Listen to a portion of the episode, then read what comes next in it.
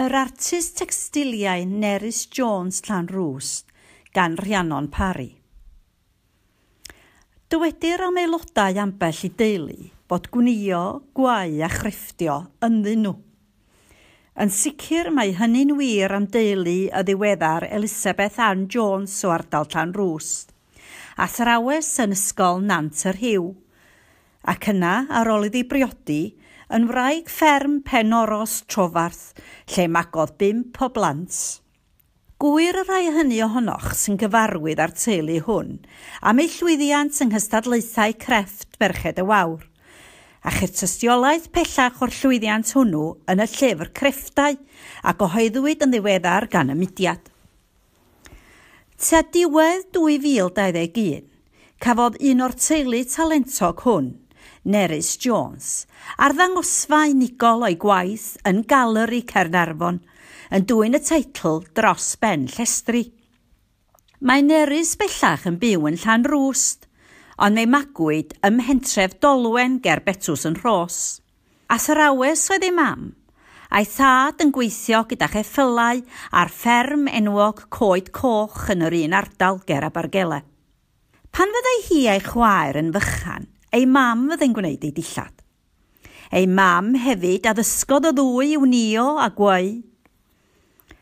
Rhwng yr addysg ar yr eilwyd, a brwdfrydedd ei athrawes yn ysgol Llanelian y maes crefftau, sef Mrs Megan Roberts, pa ryfedd unerus ymroi o ddifri yn y gwersi celf yn ysgol Glan Clwyd o dan arweiniad chwip athrawes Caris Jones ei derbyn i ddilyn cwrs textiliau yma'n ceinion.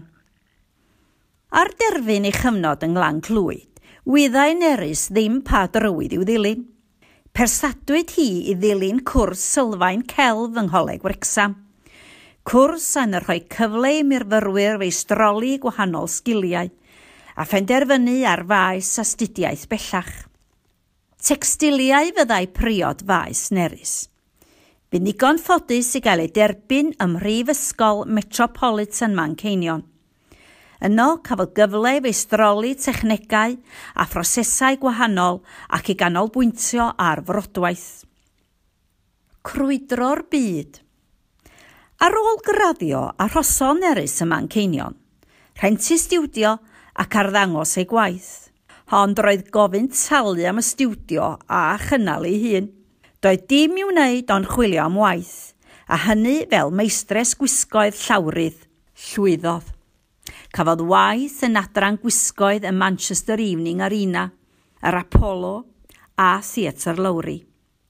Roedd pobl yn dod i ddadnabod chi ac yn gwybod eich bod chi'n medru gwrio, meddai. Canlyniad hynny oedd 15 mlynedd o deithio o le i le i bob rhan o'r byd gyda grwpiau pop enwog y cyfnod, Will Young, Sugar Babes a Goldfrap. yn paratoi dillad ar gyfer ei sioiau. Bu ar daith hefyd gyda chyfres yr X Factor, ond hiraethau am ei chynefin, a chefnodd ar gwaith hwn er gweithaf ei elfen gyffroes ac anturus. Heddiw, mae'n gweithio'n rhan amser yn dysgu textiliau yng Ngholeg Dolgellau, yn trefnu a chynnal gweithdau plant mewn safleoedd amrywiol. Mae ysgolion yn galw arni i greu gwaith celf ar wahanol brosiectau, ac wrth gwrs mae'n gweithio ar ei phrosiectau hi ei hun. Beth yw'r prosiectau hynny? Be sy'n ei ysbrydoli? Geiriau. Dwi'n sylweddoli o hyd fy mod yn cynnwys geiriau yn fy ngwaith – rhan o amball y ger neu wiangerdd sydd wedi serio ar fy nghof ers pan oeddwn yn blentyn. Ac yn rhyfedd iawn, dwi'n troi dro ar ôl tro a teiriadur Saesneg Cymraeg fy nain. Wni ddim faint yw ei oed, diflannodd y wyneb ddalen. Dwi'n dotio tan bell i gyfieithiad. Y gair am lemon yw afal melynhir, a cafal eiraid yw'r gair am oren y geiriau hyn sy'n farwain i frodio'r ffrwythau. Beth arall?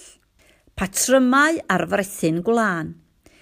Efallai am ei bod yn fatgoffa am heilwyd am Cymreigdod. Roedd perthynais i yn berchen ar ffatri wlân pen machno sydd y sywaith wedi cael. Mae gennym sawl carthen o'r felin hon, a dwi wedi mwynhau ail greu darnau bach o'r patrymau yn fy mrodwaith a'i thechnegau. Cymysgfa o frodwaith llaw a brodwaith peiriant. Dwi'n hoff iawn o argraffu ar sgrin sidan hefyd, a does dim yn well gen i na dylunio gwahanol ddelweddau cyffredin a throsglwyro'r dyluniad i beiriant gwnio digidol. Yn aml mae'r darnau am gwaith yn gyfuniad o'r technegau hyn. Ei hoff beiriant? Oes, peiriant Bernina i law a gefais ar fy mhen blwydd yn un ar hugain. Mae'n hun na mi hyd yn oed. Dros ben llestri, roedd yr arddangosfa waith nerys yn y galeri yn dyrchafu'r cyffredin ac yn ysbrydoliaeth i bawb a'i gwelo.